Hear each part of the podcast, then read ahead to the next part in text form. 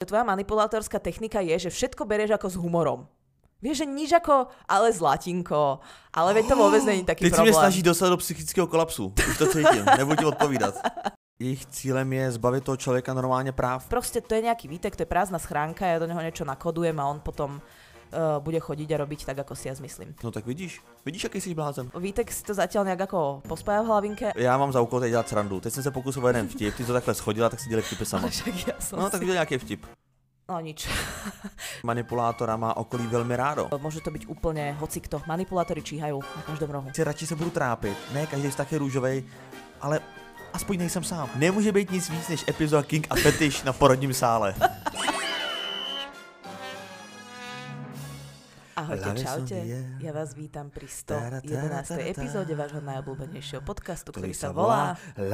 Presne tak, Vítek. Priatelia, dneska sa budeme baviť o tom, čo je to kontrola, čo je to manipulácia, aké sú medzi nimi rozdiely, prečo je to dôležité, prečo je to nebezpečné. Moje meno je Nikita, ja vás tu vítam.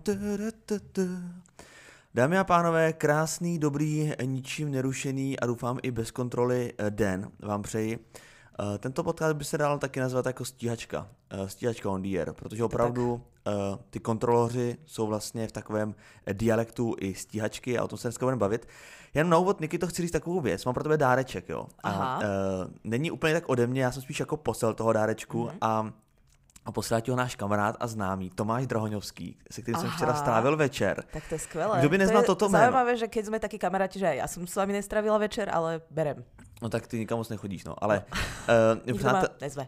No tak dobře, tak eh, příště tě pozveme, ale chtěl jsem říct to, že Tomáš Drahoňovský, kdyby někomu to jméno jako trošku jako uteklo, uniklo, nic se neděje. Ale to, Ale to- ani není možné, aby niekomu také meno uniklo. A ten náš kamarád je to naše taková modla, protože tenhle člověk pracoval 20, 20 let vlastně na televizních obrazovkách, jako asi 10 let na Primě, 10 let na ČT24.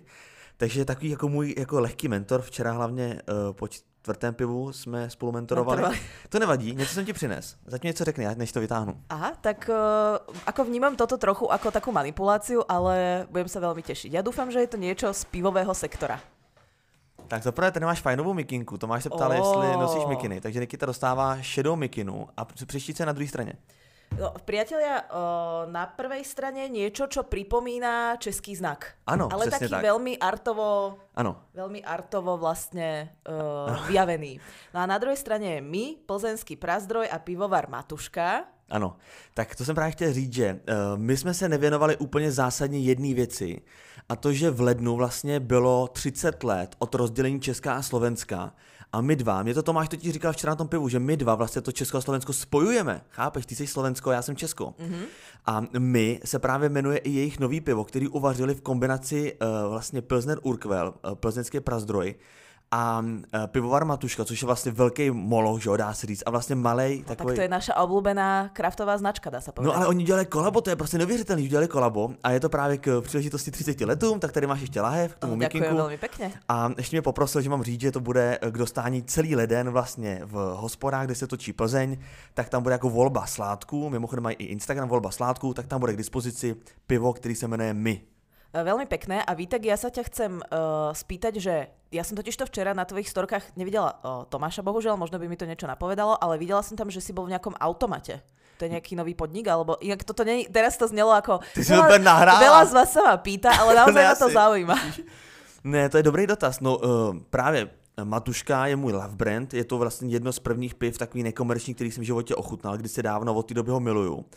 A konečně si Matuška otevřel vlastní hospodu a jmenuje se to Automat mm-hmm. Matuška a je to uh, na Hradčanský, zastávka metra Hradčanská, přímo No, na tak rohu. tam električkou. Je to super a Easy. právě včera, to znamená ve čtvrtek, kolikátýho bylo? Pátýho? Ve čtvrtek 5. ledna eh, tam právě představili tu kolaboraci eh, plzeňského prazdroje a Matušky a vyrobili pivo, který se jmenuje My. Jo. No. Uh, ďakujem veľmi pekne za tento darček, pozdravujem A je aj výborný mimochodem. Pozdravujem výborný. aj Tomáša, už rozumiem tomu, prečo uh, máš také opuchnuté oči. A chcela som ešte povedať, že my sme ten diel k tomu rozdeleniu Československa chceli teda nahrať, ale Klaus a Mečiar odmietli prísť do nášho podcastu, takže toto sú dvaja hostia, ktorých sa A to nepochopí generace, která poslouchá ten podcast. To ale zase nerob z nich jednobunkovcov. Uh, určite to pochopia, keď nie, tak si dogúlia, na to sú už zvyknutí. Tak poďme uh, späť teda, ak nechceš ešte... Ještě chci říct jednu historku. Já jsem včera před tím pivovarem Matuška eh, vlastně stál a tam byl takový sloupek, eh, to je v Davicích. a na tom sloupku byl normálně samolepka análního otvoru. Normálně jako... Bohužel jsme to všetci viděli na tvojich storkách. Ty jsi to viděla? No bohužel Mě pak áno. totiž zablokovali Instagram za sexuální aktivitu. No tak to som No. veľmi rada, že aspoň in- Ty jsi to fakt Insta- viděla, tak aspoň Instagram, někdo to stihnul. Mně to přišlo vtipný jako. Instagram to robí za nás. Uh, ešte máš nejaký zaujímavý príbeh z, zo sveta mm, análnych otvorov?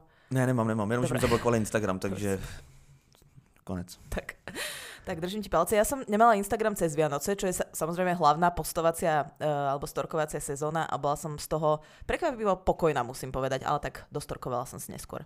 Poďme, uh, ďakujem, že si mi vypol poznámky, ja si ich zapnem naspäť, ak dovolíš, lebo úplne z hlavy všetko neviem. Uh, taká ľahká manipulácia.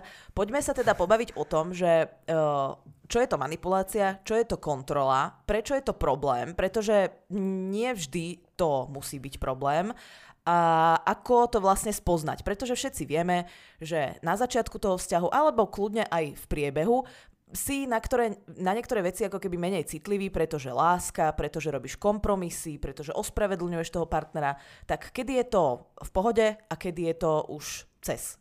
Môžem začať tou definíciou manipulácie, aby sme si dali také hranice, ak chceš. No to dej manipulaci, no, protože já tam jako, ano, řekni to, já tam Dobre. taky vnímám rozdíly. Uh, za- začneme teda tým ako keby tou hraničnou hodnotou, ktorá je manipulácia. To je to, kam sa nechceme dostať, to je to škodlivé a ja poviem prečo. Uh, manipulácia, aby sme si dali aj také etymologické okienko, z latinských výrazov ruka a uchopiť, lebo ono to má aj taký technický výraz, hej, manipuluješ s niečím, to znamená si v nejakej fabrike manipuluješ s nejakými, neviem, mm, skrutkami, s nejakými strojmi, proste s niečím hmotným ako keby. Ale v tomto slova zmysle tá manipulácia pre nás vzťahovo má trošku iný význam.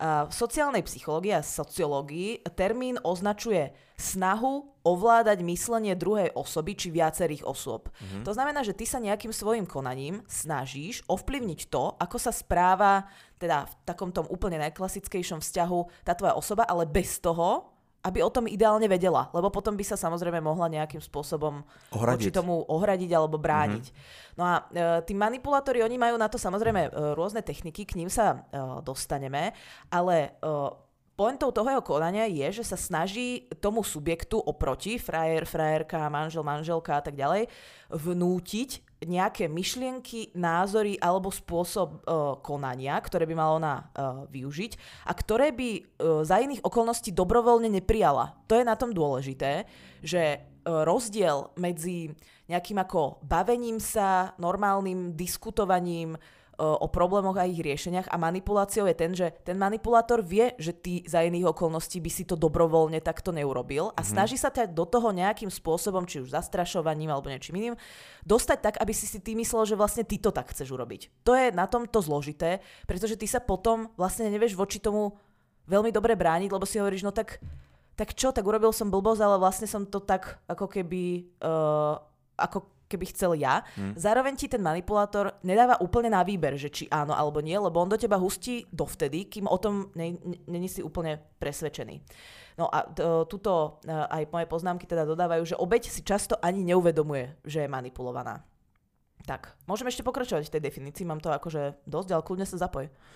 No ne, tak manipulace, um, um, no tak neuvědomuje si to, tak to je právě jakoby správná manipulace, nebo v úzovkách správná manipulace, právě ta, že ten člověk, je mu to přijde úplně normální a i když s tím se často setkáváme právě v našich příbězích, že když člověk uh, je na to upozorňován tím okolím, který je mimo toho partnera, tak tomu vlastně nevěří, protože toho partnera je to jeho nejbližší člověk, nejvíc mu věří, tráví s ním nejvíc času ano. a je to pro něj svatý, co on říká. Takže je úplně jako namotaný. Uh. A to jsem chtěl říct právě, že manipulace, kontrola, no že to jsou věci, které hlavně u té kontroly prostě na začátku toho vztahu, uh, nechci říct, že jenom ženy, ale všeobecně, ale prostě když se o tom mluví a v našich příbězích se to objevuje, tak častokrát je to jako na hlavě těch mužů, že oni jsou ty kontroloři, samozřejmě je to obou strany. Jenom jsem chtěl teďka říct to, že uh, že vlastně ty ženy, nebo to je jedno, prostě celkově ty partneři, ty lidi, si na začátku toho vztahu vlastně jim to připadá jako pozitivní, že oni uh, dlouho byli, dejme tomu, single a teďka si, oni byli dlouho single a teďka si vlastně do určitý míry váží toho, že se o ně někdo zajímá a že se zajímá o každý jejich krok a nepřijde jim to vůbec jako špatně, naopak je to vlastně romantické, je to hrozně hezký, ale Uh, ale častokrát tohle to přerůstá prostě mezi, jako v rámci tu jako nezdravou kontrolu. No a dobre, že si to povedal, pretože um, ja trošku ešte rozviniem ako keby tú definíciu tej, tej manipulácie alebo toho manipulátorstva tým, že presne tak, ako si povedal, na začiatku je tá manipulácia vlastne neškodná v tom slova zmysle, že ona môže začínať takými kontrolorskými technikami. Ja potom aj poviem, že čo si predstavujem pod kontrolou ako takou, ktorá nemusí byť až tak úplne problematická. A, ale dôležité je si uvedomiť to, že pre manipulátora tá manipulácia je vlastne tiež obranný mechanizmus. Obranný mechanizmus uh, v tom slova zmysle, že on si bráni nejaké svoje hodnoty, nejaké svoje záujmy, niečo na čom mu záleží, ale robí to technikou často nemorálnou alebo neetickou. Hej, že keď sa na to pozrieš z hora, tak to vlastne akože No, ale ne, nemôžeš sú- opečiatkovať ako sú za tými- správne. Mhm. Častokrát jsou zatím i nějaký jako traumata, podle mě jako vlastní strachy. Víš, že ten člověk tě kontroluje, manipuluje kvůli tomu, aby o tebe nepřišel, protože se bojí být sám a tak dále. No jasné, jasné. To sú ako keby tie jeho hodnoty. Dôležité je povedať aj to, a to už sme naozaj na nejakej akože hrane možno nie len etiky, ale aj ako zákona ako takého eh, a partnerského spolužitia teda už duplom, že keď hovorím, že nemorálne a neetické techniky, tak tým si ako, mm, za tým si nepredstavujme, že hodím kockou pri človeče dvakrát, že to môže byť aj psychické týranie, hej, že to nie sú úplne lajtové veci, pomenujme to proste pravým menom. Uh, psychické týranie je jedna, jeden zo spôsobov uh, manipulácie. No a uh, môžeme sa potom ešte pobaviť o o charakteristikách manipulátora a uh, o nejakých manipul- manipulátorských technikách. Ale chcem ešte povedať, že čo pre mňa znamená kontrola. A pre mňa je vlastne kontrola nejaký spôsob chovania, ktorým ten druhý vlastne možno sleduje, že veľmi podobný cieľ, možno robí veľmi podobné veci, ale nemá za tým ten škodlivý záujem ovplyvniť mm-hmm. tvoje chovanie bez toho, aby si vedel, a nemá to končiť tak, ako jediná cesta není to, že budeš robiť to, kam ten manipulátor ťa chce dostať. Že je to možno niekedy nepríjemné, kedy prídeš a že je to také ako, nie každému musí úplne taký veľmi kontrolórsky vzťah vyhovovať, ale e, aby sme vedeli, o čom sa budeme baviť v tomto podcaste a že ako myslíme ktoré termíny, tak pre mňa kontrola je neškodná v tom zmysle, že je to možno otravné, že je to možno pre niekoho za nejakou hranicou slobody, ale je to škodlivé v zmysle uh, psychického týrania, v zmysle, že ti ten človek dáva na výber uh, a že ťa nedostáva do situácie, kedy by si nebol stotožnený sám so sebou. Hej, tam mám ja osobne nejak tú hranicu. No tak je kontrola a kontrola, já to beru tak, že já taky kontroluju, ale kvůli tomu, že mám strach a že vlastně i v tom vztahu já cítím kontrolu z druhé strany, ale je to kvůli tomu, že se navzájem o sebe bojíme a navzájem o ten vztah jako pečujeme a o nás dva. A je to kontrola, eh, je to spíš takový jako ujištění než kontrola, jo? Já nekontroluji každý krok a nekoukám na polohové služby té holky, ale eh, někam jede na dlouhou cestu a zeptám se, dojela si v pořádku, protože nevíš, co se může stát. Vyloženě je to taková péče o toho člověka než mm-hmm. kontrola, ale uh, jsou vztahy, kde prostě opravdu si ty lidi, a dokonce k tomu existuje výzkum, že 30% lidí, i když si věří, tak se dívají do telefonu. Ty lidi prostě mají problém s nějakou, dů... podle mě to začíná u důvěry v tom vztahu. Akože si sledujú polohu, tak to myslíš? Ne, že se koukají do telefonu, že si odemknou telefon partnera a dívají se tam. Aha. I když si věřej, i- nebo když tvrdí, tak je průzkum, že lidi, kteří si věří ve vztazích, tak stejně 30% z těch lidí, co si opravdu věřej, co mají důvěru v rámci svého vztahu, tak si stejně dívají do telefonu, protože prostě co kdyby náhodou něco. Mm-hmm. Což je otázka, jestli teda to je opravdu ta správná důvěra. Ale uh, No takže ta kontrola, kontrola podle mě do určitý míry je na místě, ale ne tak, aby to druhého člověka omezovala a aby to byla prostě ta stíhačka, ale to jsou věci, které na začátku toho vztahu je potřeba si nějak vymezit a definovat si nějaký mantinely, protože eh, jo, je to tenká hranice podle mě od té péče k té stíhačce. No lebo tá manipulácia môže zo začiatku proste vyzerať ako péče. Hej, že mne napríklad um, za iných okolností by mi asi kontrolórsky vzťah vadil a nemyslím si ani teraz, že mám nejaký akože kontrolórsky vzťah, ale tej péče je tam dosť. Hej, že ja napríklad mám strach o to, keď e, Katarína ide v noci sama domov z nejaké akcie. Hej, že radšej som, keď si zoberie taxík. A musím povedať, že uh, už uh, ja som napríklad Kataríne nazdielala svoju polohu, že aby vedela, kde sa nachádzam, aby mohla mať tú istotu. A keď ide ona niekam na nejakú cestu, že bola proste s kamarátkou no, na dovolenke, alebo aj tuto kľudne po Prahe, že sú určité situácie, kedy ako z veľmi konkrétnych dôvodov toho, že sa bojím o ňu, by som rada vedela, kde je. A no, není to a... tak, že na tom ako keby vysím. No to je práve, ale, ale to... ak by sa niečo stalo, tak sa tam viem pozrieť. A ty sa bojíš o ní a nebojíš sa, že ona by ti niečo udelala. Áno. To je práve ten rozdiel tej kontroly. Jo, to si veľmi pekne povedal. Uh, poďme si ešte povedať nejaké charakteristiky manipulátora, alebo já chci ještě navázat na jednu věc, co si řekla, to mě zaujalo, že si nějak zmiňovala to psychické týrání. Uh, ono totiž, ta kontrola, ta přílišná kontrola je podle mě právě už termín, který se hodí jako v rámci psychického týrání a psychický týrání je termín, který se hodí do domácího násilí.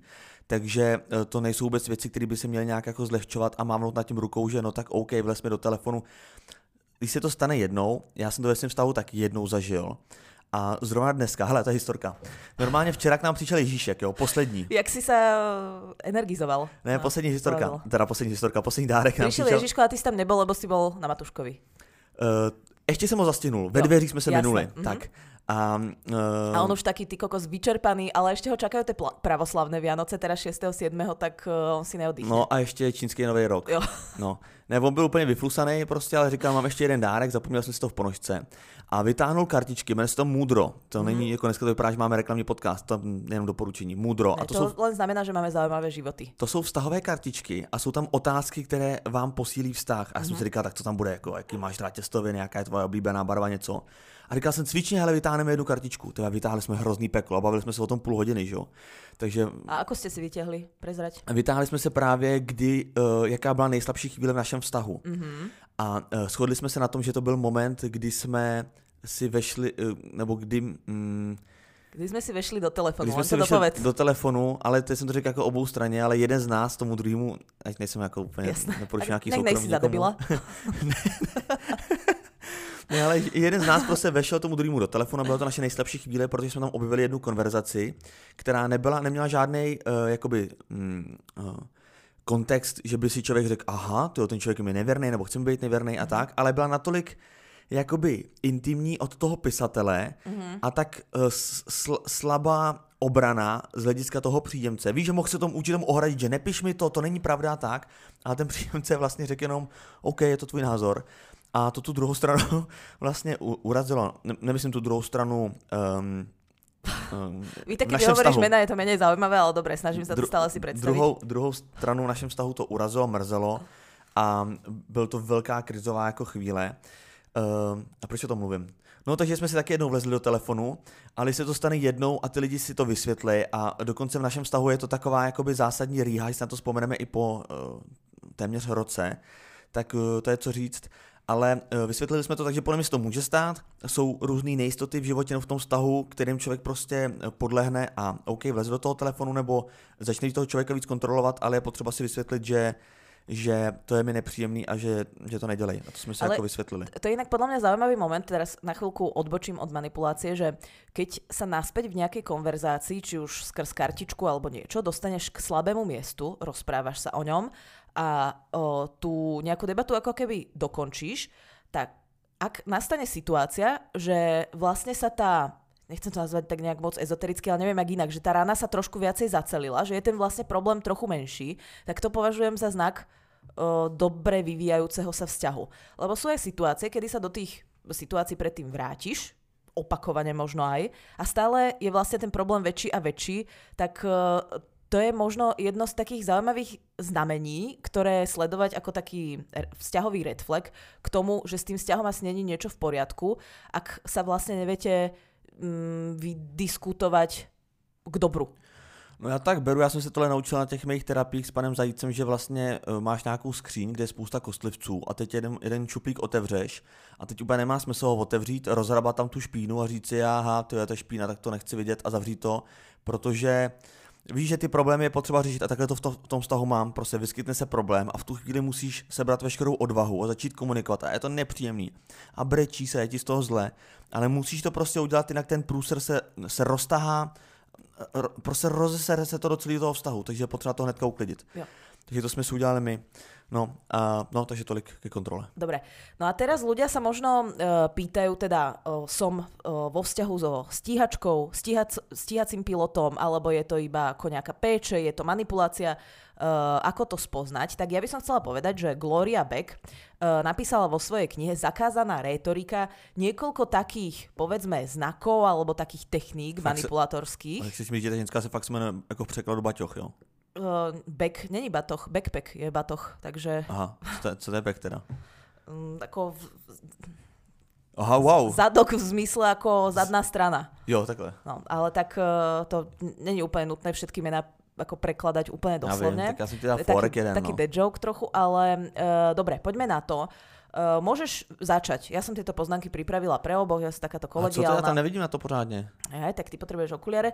Začína sa tu. Priatelia, tak idem na to, hej. Môžete si uh, to vypísať a robiť si čiarky. Ak si urobíte viac ako 8 čiarok, uh, povedala by som, že máte dosť veľký problém. Tak, poďme na to. To Prvá, měl včera já v automatu Matuška, 8, č- 8 čárek.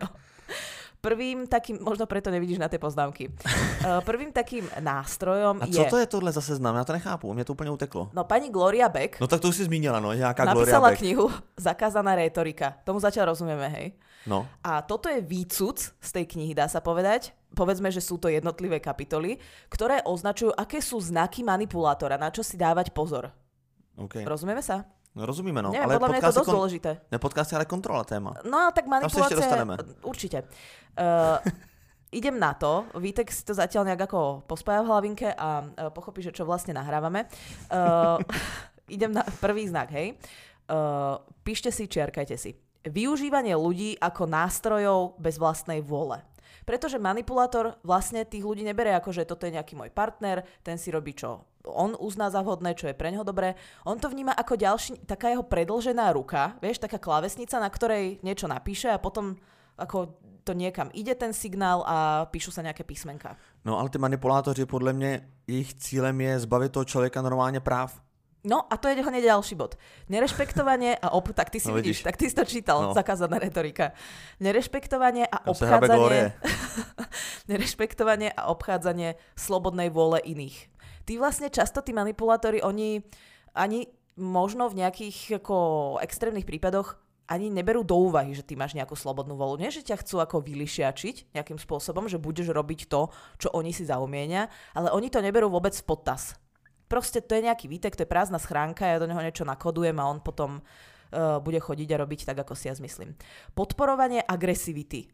To im vyhovuje, to je nejaká hraničná situácia, ľudia sa v tom ťažko orientujú, takže on vlastne agresívne situácie alebo nejaké výpete neupokojuje, pretože ten chaos je pre ňo dobrým spôsobom, uh, pretože ty, keď si v nejakom také, nejakej také vypetej situácii si citlivejší na to, čo ti kto hovorí, a si aj citlivejší alebo menej opatrný na to, čo ty hovoríš ostatným. No, no ale hlavně ten člověk celou dobu chce být vlastně ten nejlepší, takže on tě na schvála vlastně schodí do těch jako uh, na dno, jo, opravdu v tobě vyvolá agresivitu nebo cokoliv, aby tě pak mohl uklidňovat, aby on byl ten nejlepší a vytáhl tě z toho bahna. No počúvaj, ja, som, ja sa musím priznať, uh, keď o tom To hovoríš, je neuvěřitelné. že To bude ja, něco s ušima.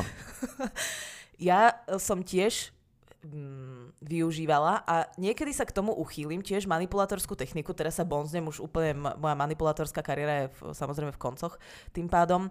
Ja, uh, ale ja som to robila podvedome, že tiež som bránila nejakým spôsobom ten svoj záujem a nemala som tu, ako vedome som si nehovorila, tak ja, ja teraz teba budem manipulovať.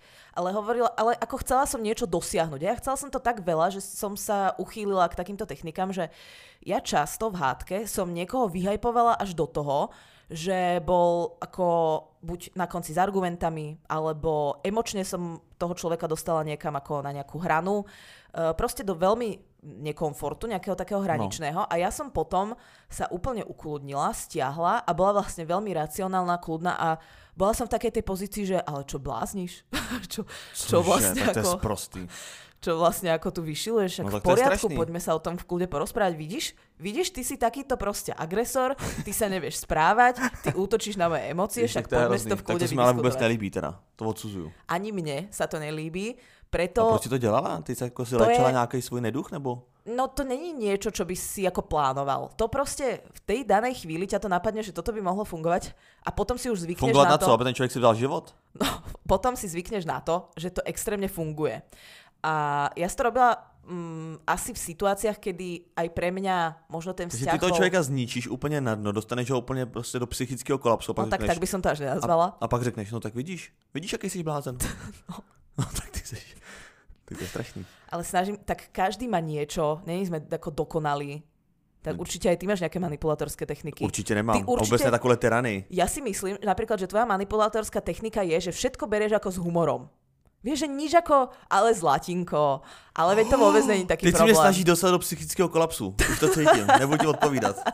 Je to tak, Není spýtam to moje sa. technika. Nebo je, je, sa je, je, víš co je. Je to moje technika. Takže ty si dvojitý manipulátor, lebo si to vlastne chcel vylišiačiť. Tak ja normálne sa k tomu priznávam, pretože sa to snažím uh, vedomé nerobiť. Um, snažím sa tomu vyvarovať, lebo to nepovažujem za fér. A každý má niečo takéto. Takže ne, že to neděláš, ale snažíš se to nedělat. Takže Snažím. občas se může stát, že to ještě přijde. To je, pozri sa, to je ako s abstinenciou, že ja nikdy nebudem môcť povedať, že som vyliečená manipulátorka, ale do konca života sa budem snažiť abstinovať od tejto techniky. Tak to môžem povedať. Lebo myslím si, že ak by som sa dostala Dám se na tebe pozor od- do nejakého dne. extrému, tak eh, v kľude ako to zase nejak tak podvedomé použijem. Lebo ja som fakt tak empiricky zistila, že to je, že to fakt ako je veľmi účinné a ťažko sa toho, ako keby, vieš, že keď sa naučíš dobrú techniku behu a vidíš, že pred každým si proste 10 metrov a 15 sekúnd, tak už potom čo? Tak nebudeš behať po petách, tak ľahšie sa ti proste beha tak, ako si sa to naučil, no. Dobre, ideme ďalej. Já vím, ale kvůli tomu běhání nekončili lidi v Bohnicích. Ale nikto neskončil v Bohnicích, zase to nepreháňajme. Uh, využívanie dôverčivosti.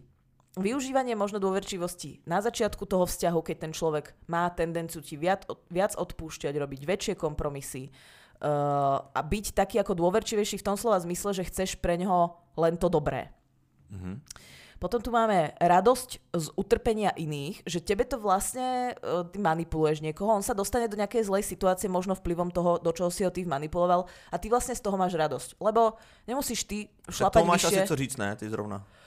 No, ne, ty si to podľa mňa zobral tak ako príliš uh, nejak tak úplne extrémne, že mm, ako, ja som nikomu uh, nehovorila, že je nula a že nemám miesto na svete. To bolo v rámci nejakej proste diskusie. Ja som to teraz len ako možno trošku hyperbolizovala, aby som ukázala ten point, Mhm. ale neužívam si určite utrpenie iných. Ako v tej danej uh, nejakej situácii mi to možno krátkodobo vyhovuje. Lebo tým, že ja urobím zo seba ten väčší rozdiel, takú tú racionálnu, pokojnú, vlastne, že nechápem, že čo, tako, prečo sa tu takto naťahujeme, tak to robí veľký ako rozdiel v tom vnímaní, ale určite si nemám radosť z utrpenia iných. Zas mm-hmm. neaplikujeme všetky techniky iba na mňa. Potom tu máme, ja to ešte preletím, zákerné konanie, klamstvo. Klamstvo je samostatná technika. Uh, prijatie možnej trestnosti konania, že ty vlastne si ako keby uzrozumený s tým, že toto je už ako keby za zákonom, za hranicou nejakého zákona je ti to jedno, pretože ty sleduješ proste svoj cieľ. Uh, jak vraví jeden reper, bez rešpektu pre svoj cieľ. Potom tu máme zneužitie dôvery a predstieranie náklonnosti. Takéto, áno, Zlatinko, ja to chápem a také, ale vedia, ja ťa milujem. A vieš, takéto ako, že ako nadrábaš nejakú lásku, nejakú emóciu, nejakú niečo. No ale celkově to podmiňování lásky, že, jo? že ten člověk ti říká, no budu tě milovat, když něco uděláš, Jo. nebo jestli to neuděláš, tak spolu končíme, jako tady to vydírání vlastně. No potom ešte existuje jedna francúzska psychologička e, Isabel Nazare Aga, ktorá hovorí o 30 znakoch, podľa ktorých možno identifikovať manipulátora. E, daná osoba je manipulátor, ak vyhovuje aspoň v 14 bodoch. Ale neviem, či to teraz budem čítať a budeme si zase čiarkať, alebo to hodím na storky. Cože, to jde asi na storky. 30 tak, bodů, to, jo. tak to hodím na storky a vy si budete čiarkať a... e, A nebo to řekni rychle, tak to řekni, tak dobre, tak ja to iba... Tak ja to iba říkat, jestli to jsem já, no, Dobre. tak pojď. Je egocentrický. Ano, E, Prenáša zodpovednosť zo seba na druhých. uh, ano, pol boda, navodzuje u obeti pocit viny. Myslím, že ne. Aj to som ja. Na, naformuluje zrozumiteľne, po, neformuluje zrozumiteľne svoje požiadavky a potreby. Tak to pre teba úplne vôbec Cože, neplatí? To jsem absolutně já, ale tak to, co ne, ne, ma, manipula... neformuluje. Neformuluje, Neformuluje. no. Požadavky, no. No, no. ty neformuluješ, podľa mňa ty formuluješ svoje požiadavky celkom presne. Jo, Len jako, sú často nesplniteľné. Aha, tak dobře, tak nejsem manipulátor. Mhm, dál. Odpovedá väčšinou neurčito. Teraz povedz, no nevím. Manipulátor? No, OK. Tak, No tak si to... či nejsi? Nejsem, ne, ne, ne. No, tak bolo to také neurčité. Ne, odpovídám určitě, nejsem. Dobre. Mení svoje postoje podľa situácie a podľa osoby, s ktorou práve komunikuje. Jo, kam Tak víte to tam plášť. ty, Hm. uh, kam vítek, tam plášť. Svoje potreby zakrýva logickými dôvodmi. Cože, to To nechápu to som skôr ja. No, e, že ty chceš, aby niekto niečo urobil, ale vždy si, vždy si k tomu vymyslíš nejakú ako teóriu, prečo je logické, že by to mal urobiť. Jo, že to takhle. predsa takto vo svete funguje, takto sa to robí a tak ďalej. Jo, tak to je charakteristika manipulátora, jo. No ja som uh, v jednom vzťahu napríklad riešila, že či na dverách bude menovka, ktorá začína ako keby e, mojim menom alebo menom môjho partnera. Ježiš, blbosti. No je to blbosť, ale Absolutní. ako z tejto blbosti dokáže vzniknúť jedna obria hádka, musím povedať. A toľko logických vysvetlení, ktoré som od neho dostala, uh, pritom podľa mňa platné je len jedno, kto je prvý v abecede z hľadiska priezviska, ale toľko vysvetlení logických, takto sa to predsa robí, takto ja som to mal vždy, alebo logických, není to úplne logické Práve vysvetlenie, ale, ale je to nejaké vysvetlenie, ktoré si na to nadrobíš, ktoré som ja vtedy dostala, pritom je to blbá menovka a mňa už to potom samozrejme ako keby... To už dáš, už ne? ma to zaujímalo. Ne, naopak, mňa to začalo zaujímať. Prečo ti na tom tak záleží? Prečo je to také dôležité Aha. pre Jo, teba? to tvoje doptávání, klasika. No, ale ako vedeli sme prečo a ten dôvod mi ako keby nevyhovoval, vieš? A potom proč? sa na to... No tak, le- lebo bol zvyknutý, že on ako muž... Je první. Je pr- Egocentrik. No Áno. tak to je první No. bod. Však, hej, ne, nerobím tu ako čiarky svojim bývalým, ale možno by som pár čiarok urobila. Uh, žiada od druhých dokonalosť, nemennosť názorov a podobne. Mhm. To som trochu ja, no. A ja to tak požadujem tak ako vôbec, vôkol v nejakom mojom okolí, ja taký. partnerskom.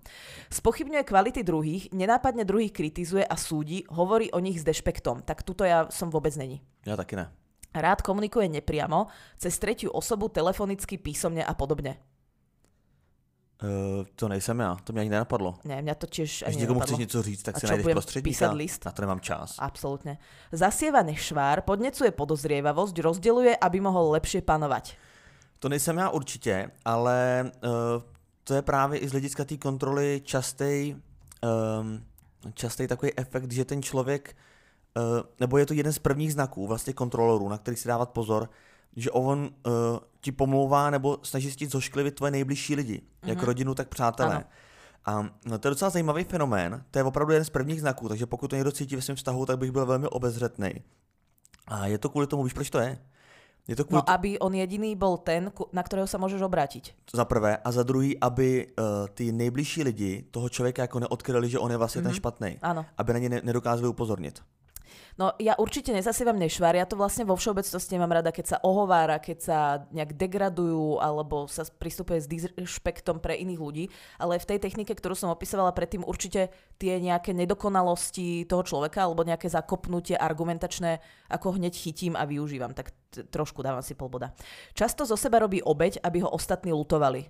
Tak to, to tu nejsom, to nemám rada. Mm, malinko Pol občas bod, niance. štvrť bod. Mm. Neberie ohľad na, na žiadosti druhých, pričom tvrdí pravý opak. Využíva morálne zásady druhých k naplneniu vlastných potrieb. Uh, citovo či inak vydiera alebo sa vyhráža, skryto alebo otvorene. To je to, čo si hovoril, keď tak. Uh, často mení tému uprostred rozhovoru. Vieš, nevyhovuje ti, uh, ide to zlým OK. smerom, nemáš čo na to povedať, tak poďme sa baviť uh, o No. tom, ako sme si ubližili pred mesiacom. Ty manipulátoři prostě, to všechno vychází z toho egocentrizmu, že všechno musí být po nich. Oni jsou prostě, ty, ty, ta moc, to vedení, to jsou prostě manipulátoři. Všechno musí být podle nich. Vyhýba sa pracovným schôdzkam a poradám. Tomuto úplne nerozumiem, že aký to má, ako, to sa neviem, asi Izabela, uh, No Nazare, tak on, Aňa. on tam posílá někoho dalšího, že jo? On komunikuje třetí osobu. No. On napíše list a uh, niekto ho tam prečíta. Zameriava sa na nevedomosť druhých a snaží sa tak vyvolať A tohle dojem, to je mimochodem návrh. geniální, ale tohle to zná tady ten seznam, protože budeš pondělí za fréra na poradě. Tam najednou přijde list prostě od nějakého kolega, Novák je doma na home office a ty řekneš, aha, ten manipulátor, na toho Inak pozor. Presne takto v súčasnej spoločnosti funguje, že keď niekto na home office, tak píše listy do práce. Ešte príde v pondelok vlastne 8 listov, na každú hodinu jeden, ty si prečítaš a hneď vieš, čo sa deje. Zameriava sa na nevedomosť druhých. Ale tak eh, já mám za úkol teď dělat srandu. Teď jsem se pokusil o jeden vtip, ty to takhle schodila, tak si dělej vtipy sama. Však ja som No si... tak udělej nějaký vtip. Ja som sa aj zasmiala, to je súčasťou No. tej srandy, ne? Uh, 19. bod, priatelia, dúfam, že uh, vám horia pera, klame. Klame. Tak to je klasika. Klasika, klasik. Hlása klamstvo, aby sa dozvedel pravdu. Prekrúca a interpretuje výroky druhých. Takže buď hovorí, že ostatní klamú, alebo naopak uh, ako hľada tam nejaké slabé miesta, alebo o- hovorí, že niečo hovoria, aj keď to nehovoria. Za... Neviem, ako som to mala inak povedať. Závidí aj osobám veľmi blízkym. To sme si tiež prešli v nejakých vzťahoch, že sa závidelo susedovi, kto má nové auto, ako si môže dovoliť tento ísť na dovolenku, tento zdedil byt a ako je to možné a také rôzne, ako až do detailov. To, ta mně veci. přijde absolutní fenomén. Jako, to Ale mne to trpí príde strašně asexuálne. Že, pre, že ja, to je pre mňa tak strašne nepríťažlivé, keď niekto sa nesústredí na seba, ale stále len pozoruje druhých, ale nie v tom ako dobrom alebo neutrálnom slova zmysle, že berie aj to dobré, aj to zlé, ale je len taká babka v okne, čo sleduje. Videl si Nováka, ako zle zaparkoval cez čaru e, nárazníkom? Vieš, že je mi to také... Také nevzrušuje, no, že by mi stálo jako péro z toho, že nějaká babka stojí ve okně. Taky nemůžu říct. Neznáša kritiku, dokáže popierať celkom zrejmé fakty. Mhm. Tomu rozumiem, že keby som bola v tej pozícii, tak ako je to logické. Nedbá na práva, potreby a priania druhých. Často vydáva, tak Vianoce s manipulátorom, dosť ťažká záležitosť. Často vydáva Celý pokyny. život je těžká záležitost s No manipulátorem. ale tie Vianoce, keď si niečo praješ a, ona, praješ a ona to neberie ohľad, tak to je špeciálne také ako citlivé na Vianoce. Často vydáva pokyny a núti druhých konať na poslednú chvíľu. Hmm. Hm? Stretol si sa s niečím takým? Já? No ano, na poslední chvíli to jsem já. Jo. Jeho uh, slovný prejav znie logicky, avšak jeho postoje, činy alebo spôsob svedčia o pravom opaku. No. Že on ako hovorí, že takto by sa to malo robiť, ale v skutočnosti on sa v tých istých situáciách prelišia či Ano. úplne inak. A to je známý efekt, že manipulátora má okolí velmi rádo. Mhm. Že protože on opravdu Hovorí dokáže ľubivé zmanipulovat... pravdy. On do, ano, on dokáže zmanipulovat okolí a lidi nechápou, jak hezky se chová k té partnerce, jak hezky se chová třeba k dětem, ale přijde se domů a je to úplně jiný člověk. No.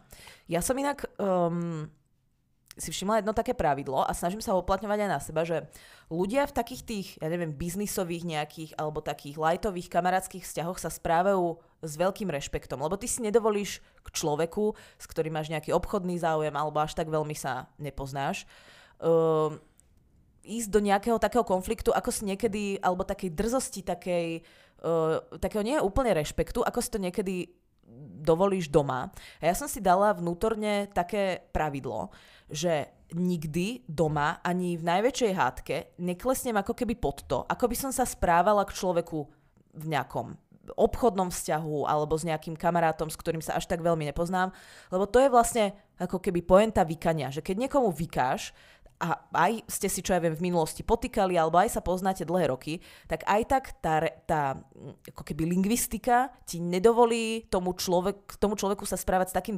disrešpektom, ako keď si týkaš. Hej? Samozrejme, toto pravidlo má... Ne, to doma aplikujte, Na jako, různé- pokud máte doma pocit, že už se nerespektuje, na, na, nerespektujete navzájem, tak se začněte vykat.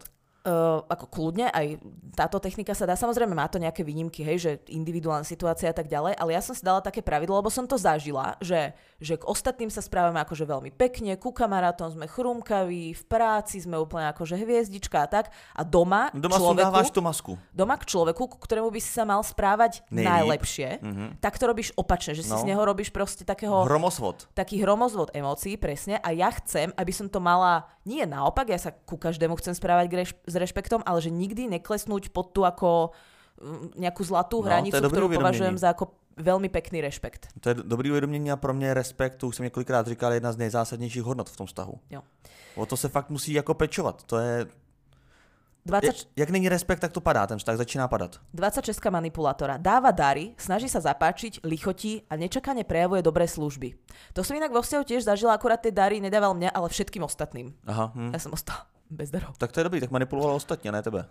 No, man, no, myslím si, že manipuloval mňa, že tým chcel povedať, že vidíš, viem sa správať pekne, ale musíš sa aj ty ku mne. Já chci říct, že tady ten seznam, on funguje jakoby v tom celku jako takovým. Ono, když tam těch výzborů bude společných, tak je to manipulátor. Že aby si člověk neřekl, ježíš, tady je ten bod, uh-huh, tak jsem manipulátor, protože dávat dary není nic špatného, že jo? No musí ich byť 14. 14 minimálne. musí být. No, 14 30, půlka. ešte raz kontrolujem. Uh, áno, daná osoba je iste manipulátor, ak vyhovuje aspoň v 14 bodoch. Takže me, tak ako No tak to je dobrý, to nejsem ani náhodou. Tak ty si tam mal I nejaké když polbody. moje bývalá přítelkyně tvrdí něco jiného. Uh, v jeho prítomnosti sa ostatní cítia nepríjemne a neslobodne. Mhm. Tak to je taký zlý manipulátor, lebo mal by to spraviť, dobrý manipulátor by to vie spraviť tak, že si myslí, že to je tvoja vôľa. Uh, ide veľmi dôsledne za svojim cieľom na úkor druhých, tzv. ce- cez mŕtvoly, prinúti obeď k činom, ktorých by sa dobrovoľne pravdepodobne uh, nepustila, do ktorých. Uh, ľudia, ktorí ho poznajú, o ňom stále hovoria, aj keď nie je prítomný. Mhm. Tak ak ste našli svoju 14 či už na sebe, na partnerovi alebo na ľuďoch z blízkeho okolia, pretože manipulátor môže byť aj tvoj kamarát, hej, to sa netýka iba partnerských vzťahov. Môže to byť človek, ktorý s vami pracuje, šéf, podriadený alebo človek z týmu. Môže to byť úplne hocikto. Manipulátori číhajú na každom rohu. Eh, Pojďme se ještě vrátit k té kontrole jako takový, protože eh, ta kontrola prostě je eh, jako fenomén dnešních vztahů. A vlastně nikdy nebylo jednodušší ty lidi kontrolovat než dneska, že jo? Přes všechny telefony, přes všechny polohové služby, eh, přístupy do telefonů eh, a tak dále. Tak tady jsem k tomu chtěl říct jenom to, že to eh, kontrolování nebo ten moment, kdy už vám to nepříjemný, nebo kdy je to, kdy to narušuje vaše soukromí, tak je prostě forma domácího násilí. Jo? Já když jsem se připravoval tady na ten podcast, tak mi to přišlo jako vyhrocený termín, ale ty si s tím jako celkem stotožňuju, protože je to opravdu jako psychický týrání a toho člověka ty chceš ovládat, ty mu uh, usurpuješ tu jeho svobodu. A já jsem to nedávno říkal Catherine, a chvilku se jako divila, nechápala jako tu myšlenku, ale pak vlastně poděkovala. Jestli mi říkal, tyho člověče, já se s tebou cítím snad víc svobodnější, než když jsem byl sám. Mhm. A to, je to si ty povedal jej? to jsem řekl já jí, no. A to je po, podle mě, každý to má asi jinak, ale podle mě to je ponímání jako správného vztahu, že se opravdu cítí svobodně, že může dělat všechno a zároveň s každou radostí a starostí se o toho partnera jako můžeš podělit a opřít. Takže podle mě ta kontrola na začátku toho vztahu, já jsem, mně to připadá totiž, že to je takový pozvolný, do toho vztahu se to jako plíží, tak, tak pozvolná, ty jsi vlastně rád, že ten člověk se o tebe zajímá. Lebo to začína úplnými maličkosťami, ktoré sú aj pre mňa vlastne úplne bezpečné a ktoré sú vlastne pekné. Napíš mi, keď prídeš domov.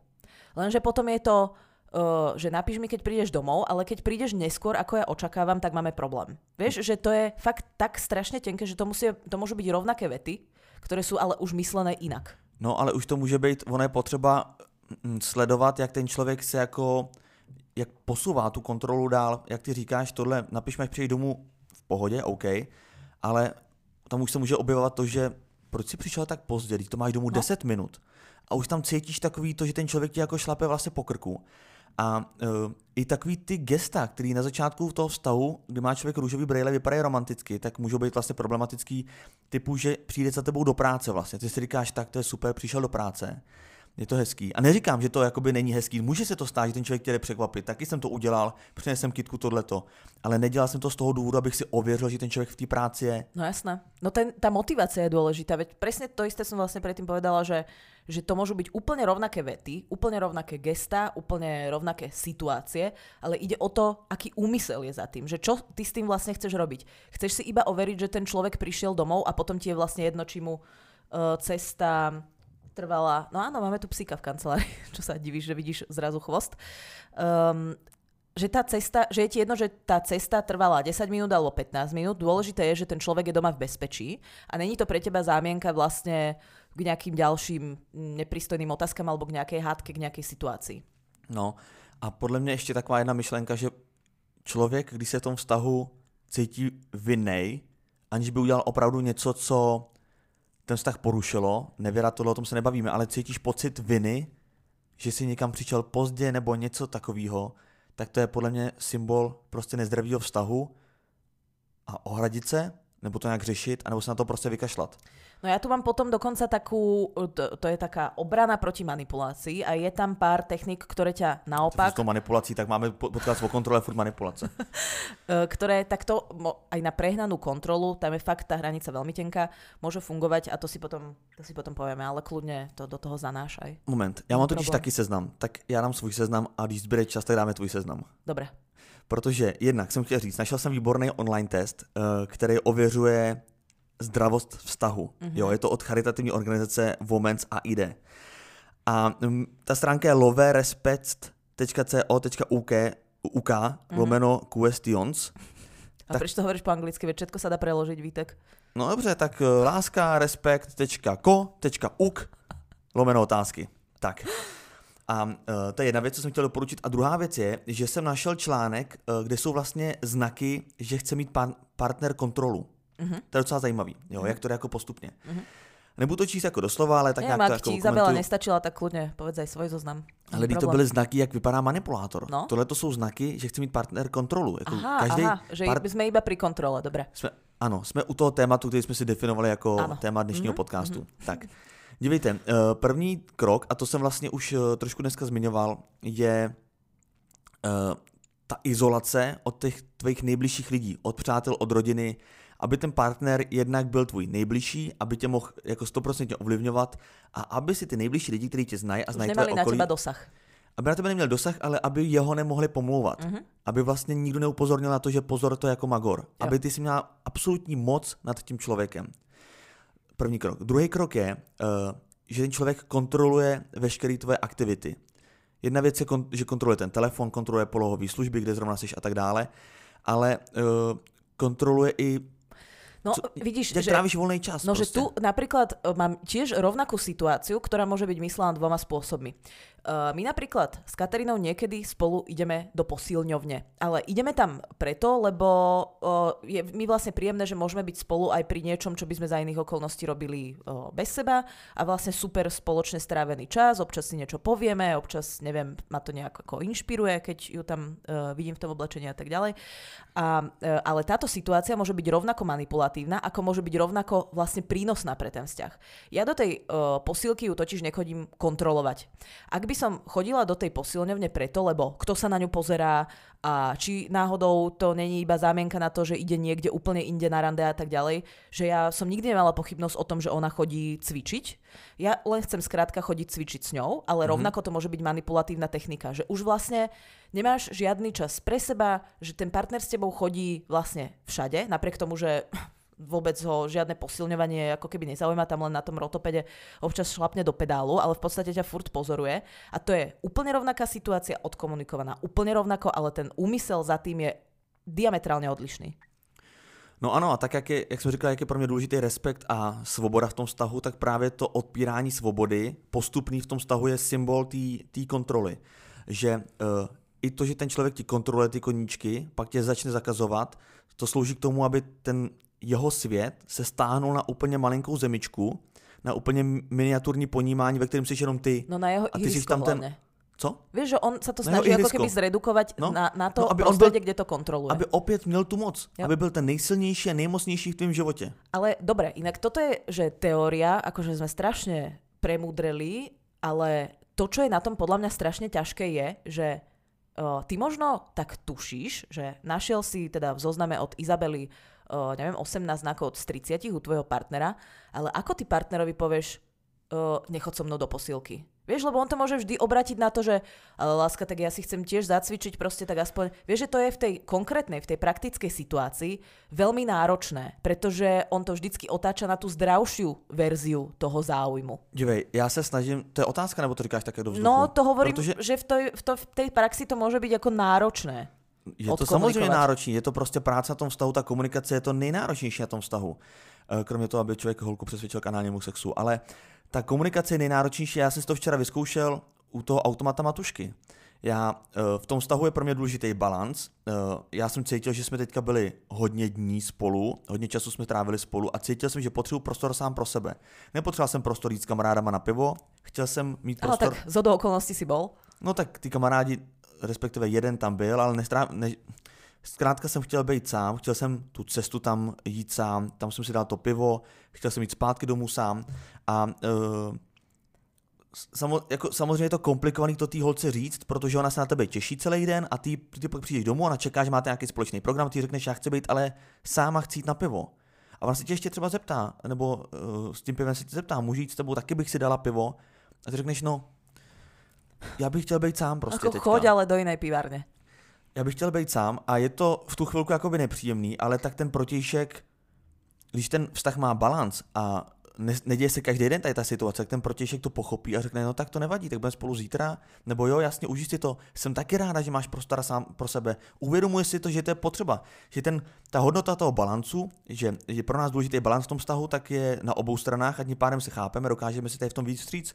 Je to nepříjemný v ten moment jí vlastně odmítnout a říct, se mnou nepůjdeš, ale když jí to hezky vysvětlíš, tak co je to No problém? ja, ja na to mám jeden taký protip. Protože svoboda. Potřebujeme v tom vztahu prostě dejchat. Áno, ja to uh, úplne kvitujem. Ja na to mám jeden taký protip, že uh, my vo vzťahu, alebo takto, že začnem tým, že ja to vlastne vnímam veľmi podobne ako ty, že ten vzťah stále by pre teba mal byť, že ti prináša nejakú pridanú hodnotu. Pre teba by to nemala byť gula na nohe. Ak, uh, to je samozrejme ako ľahšie povedať, ako urobiť niekedy, ale ja sa cítim v mojom vzťahu veľmi slobodne, plus, že vnímam ako keby to bezpečie, že keď dojdem domov, bez ohľadu na to, čo sa deje von, vonku, a to za posledné roky sa teda dial aj COVID, aj vojna, aj kríza, aj neviem čo. Vždy, keď prídem domov, tak sa cítim absolútne pokojne, bezpečne. Vieš, že je to pre mňa taký, fakt taká úplne až oáza, nejaká taká emočná, bezpečná. A, uh, ale tiež vnímam samozrejme, že, že je aj pre ten vzťah, napriek tomu, že radi spolu trávime veľmi veľa času, tak uh, nejaký čas o samote každý potrebuje. Ale to, čo napríklad Kataríne v minulosti na tom vadilo, bolo, že ja keď som napríklad zostala v práci dlhšie, alebo som išla niekde uh, s kamarátmi, s kamarátkami, alebo sme ostávali dlhšie nahrávať podcast, jej nevadilo, že som niekde a robím si veci, ale to, že ona sa na to nemohla dopredu pripraviť a čaká na mňa doma. Vieš, mm-hmm. že, že čaká za tými dverami, kedy už konečne prídem, že sa na to tak fixuje. Takže my to robíme tak, že má každý absolútne úplnú slobodu v tom, koľko času chce tráviť mimo toho partnera, úplne jedno akým, úplne nie, ale v rámci nejakých ako hraníc, je úplne jedno akým spôsobom, ale dáme si to dopredu vedieť, aby aj tá Katarína si mohla spraviť program a aby aj ona plnohodnotne mohla prežiť ten čas, ja neviem, s kamarátkami alebo No. urobiť si nejaký program.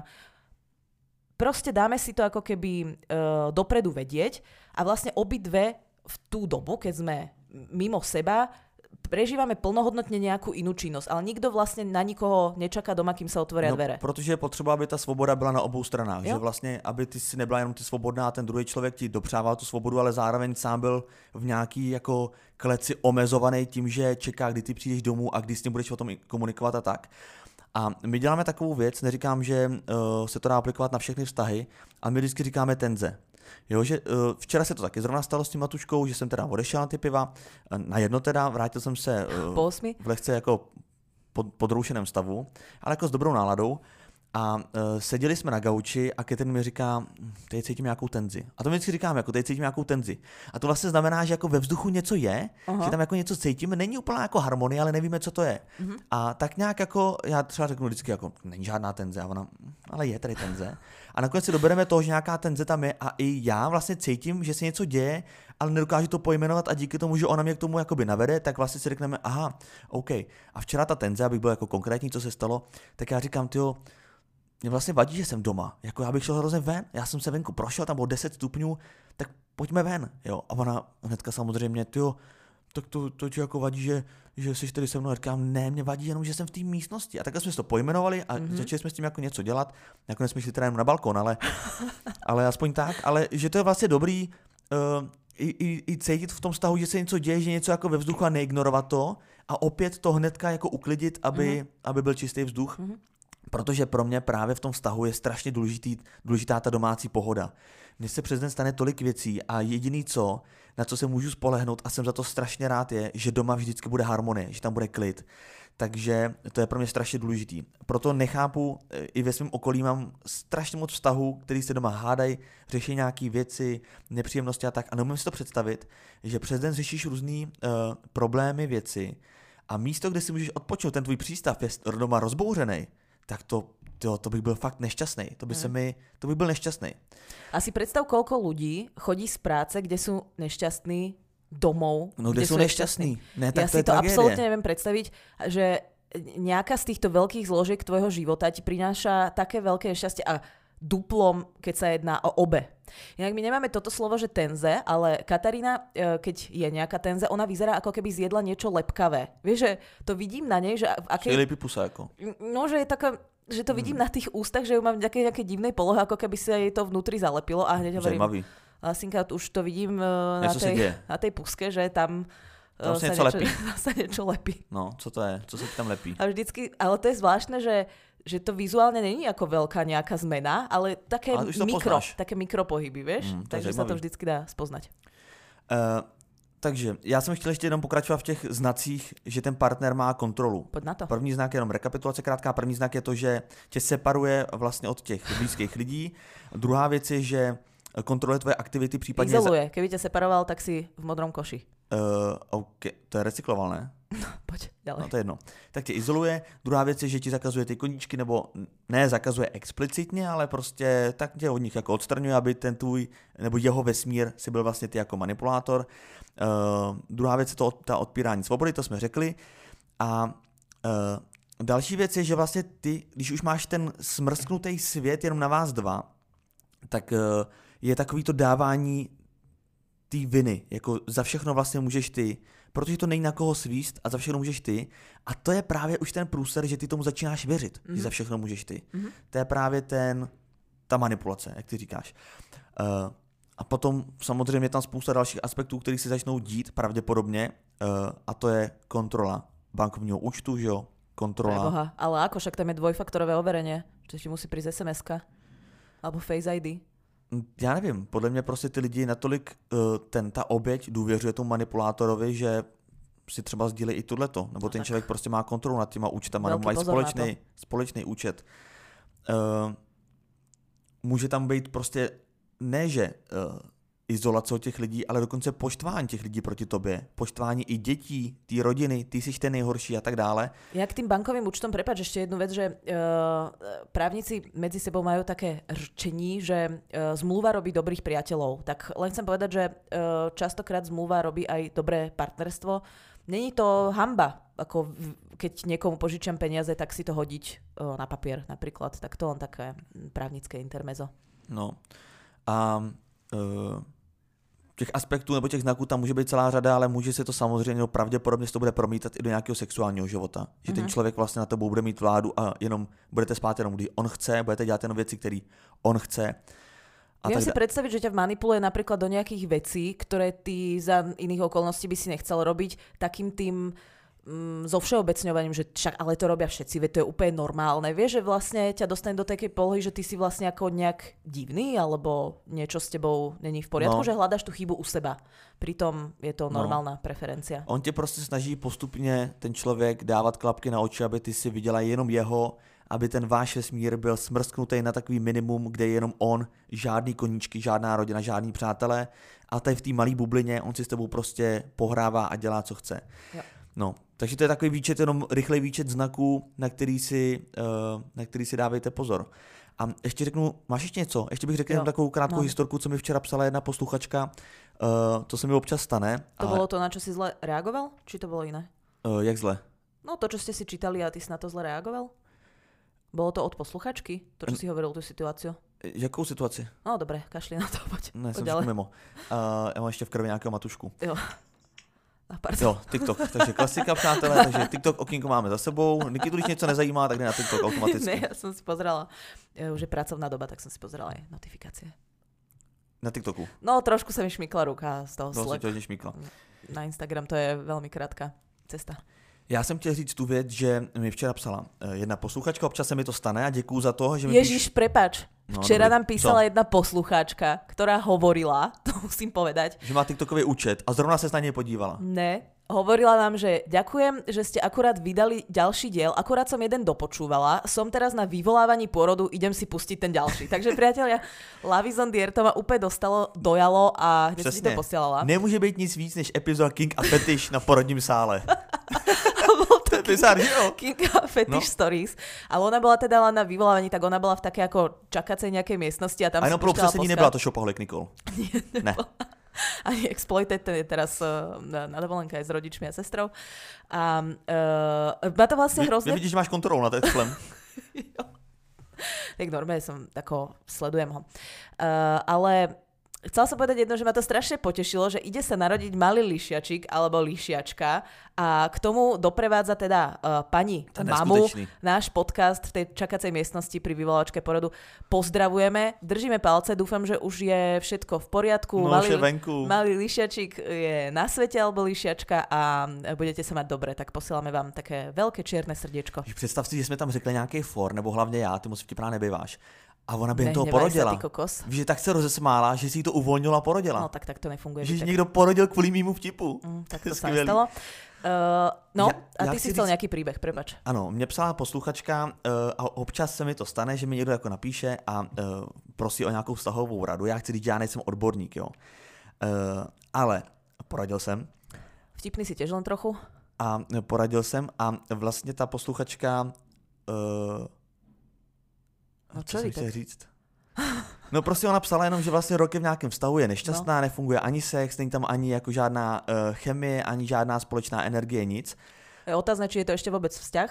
No, no právě, jako vypadalo to, že se jako rok eh, v úvozovkách jako trápí, jakože takový ten vztah, takový ten balvan, který musíš posouvat místo mm-hmm. toho, aby jako by tě to těšilo. Tak se teda rozhodla po roce, což je strašně dlouhá doba, že se rozejdou a ten člověk najednou řekl, Ježíš, ale já jsem tě zrovna chtěl požádat o ruku. Jasné, klasický Ježiš, move. ale já tě jako hrozně miluju a co já s tebou budu dělat. A ona mi píše, Vítku, já teďka nevím, co mám dělat, protože uh, on mi tohle napsal, já jsem vůbec netušila, že mě je tolik jako citů, tak co mám dělat? Keep going. To nevím, co znamená. Že má ďalej pokračovať v tom, ako sa rozhodla.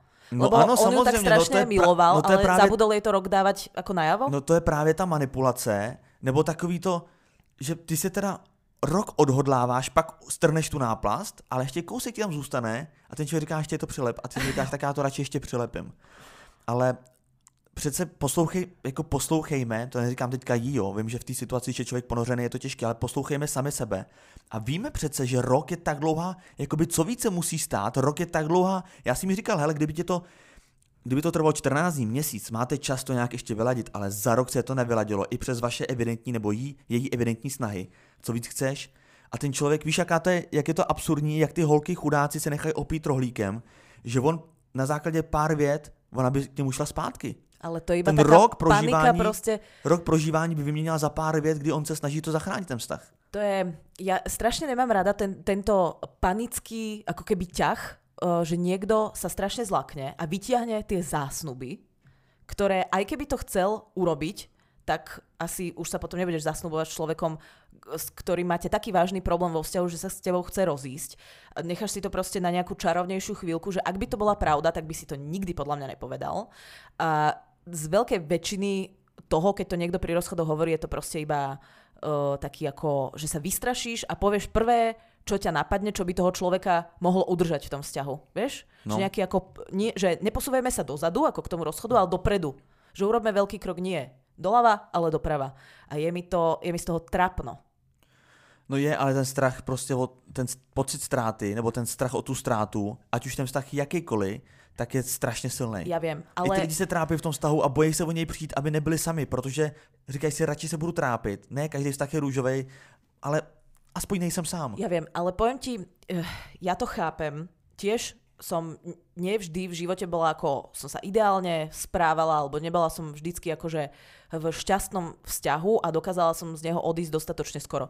Ja to chápem, chápem aj ten strach.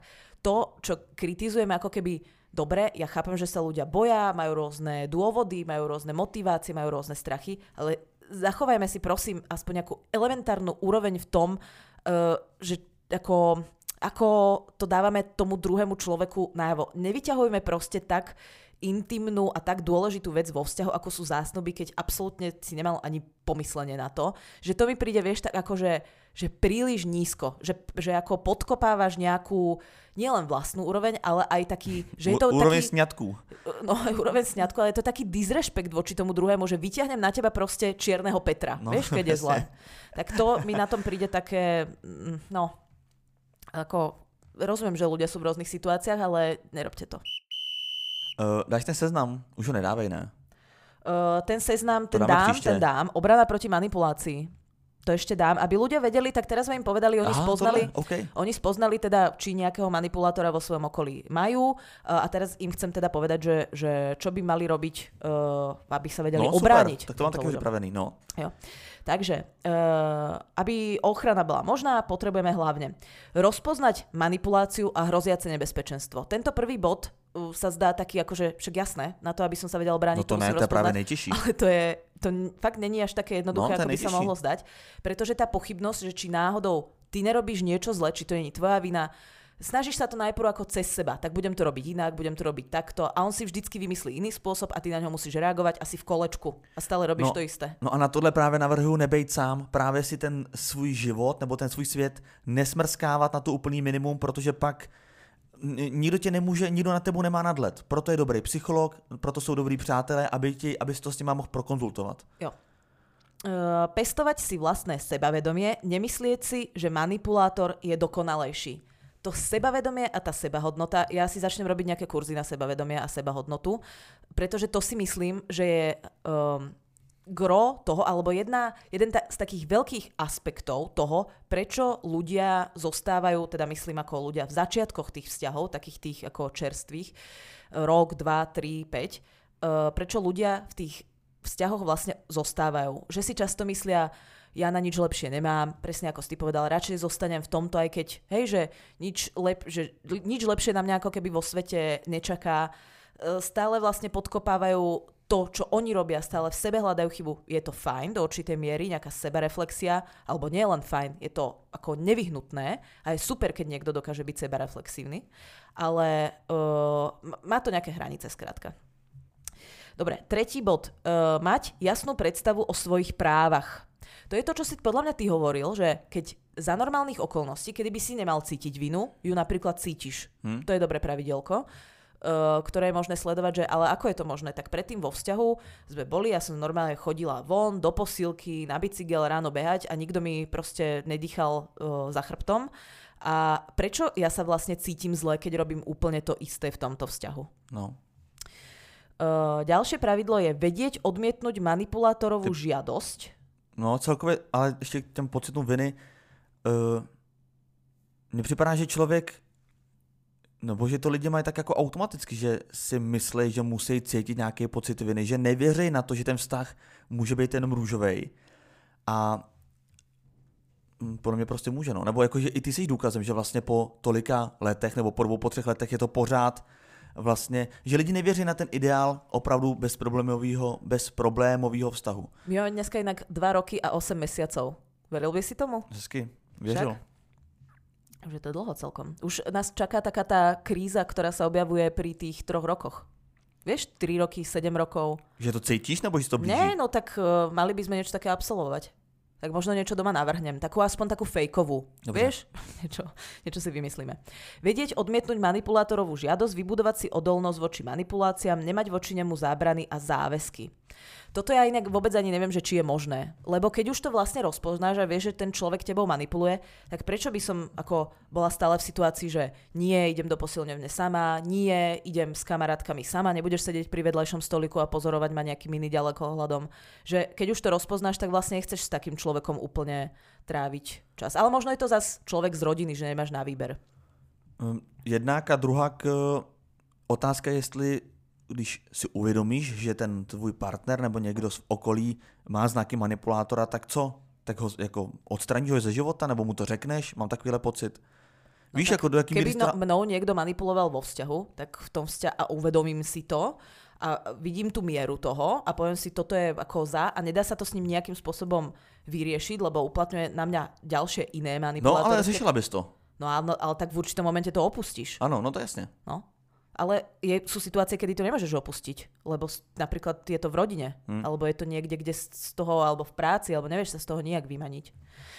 Ďalšie pravidelko. Naučiť sa, ako postupovať, e, ako konkrétne manipulačné techniky e, zneškodniť. A to sa volá, priatelia, ak si to budete chcieť vygoogliť, sú to tzv. kontramanipulatívne metódy. Takže my sme si povedali teda nejaké, ktoré používa manipulátor a ty nalistuješ si, ak vieš, jak v lietadle, nejaký checklist a ideš pim, pim, pim a on proste uvidí, že ty si na to ready, ty vieš na to odpovedať rovnako silno ako ty. Nie každému sa chce samozrejme takto naťahovať, ale len to vravím možno pre ľudí, ktorí sú naozaj v situácii, z ktorej sa nedá odísť. Vieš, že je to, alebo trvá nejaký čas, kým z nej odídeš, mm-hmm. tak vtedy je dobré tieto techniky si trošku naštudovať a uplatniť ich. Mm-hmm. Lebo to není akože ultimátny spôsob, ktorý ten manipulátor používa. Voči tomu sa dá rovnako uh, efektívne brániť, že to není ako nejaký dokonalý spôsob, ako ťa vyšachovať z hry. No a posledné také pravidlo je vybudovať si odolnosť i voči potrebe riešiť problémové situácie manipuláciou iných. Čo vy tak rozmýšľaš, čo to znamená? To nechápu. Alebo... Ešte jedno to Ešte raz. Vybudovať si odolnosť i voči potrebe riešiť problémové situácie manipuláciou iných. No nič. tak predpokladám, že ako posluchači, posluchačky uh, pochopili.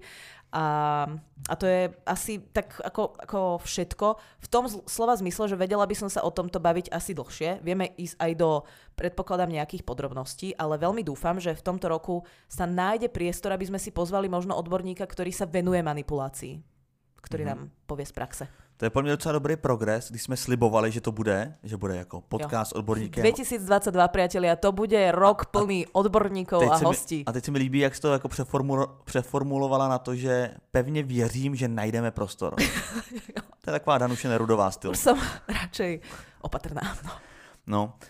Uh, než se úplně rozloučíme, přátelé, myslete na to, že ta kontrola je taková plíživá, jo? že buďte obezřetní a definujte si ty hranice a ty mantinely toho, kam nechcete, aby ten vztah zašel.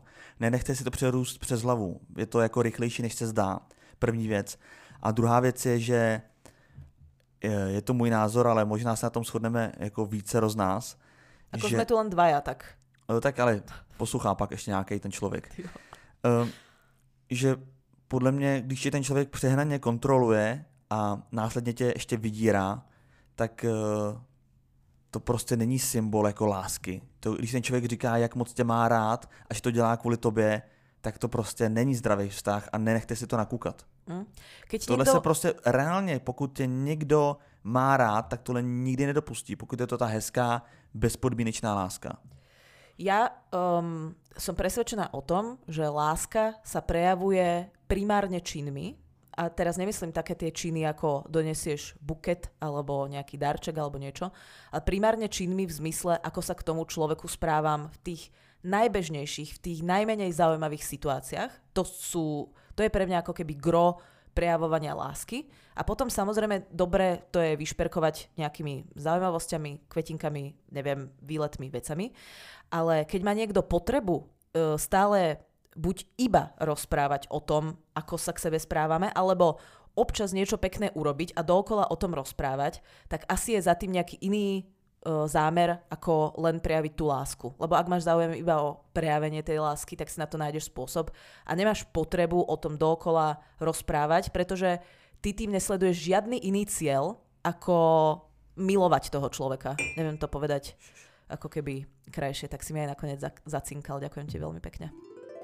Přátelé, děkujeme, že jste to doposlouchali až sem. Uh, určitě ochutnejte světlý ležák ze slovenského ječmena a českých chmelů. To jsem chtěl říct, že to je právě to zajímavé, že tam je slovenský ječmen a české chmely.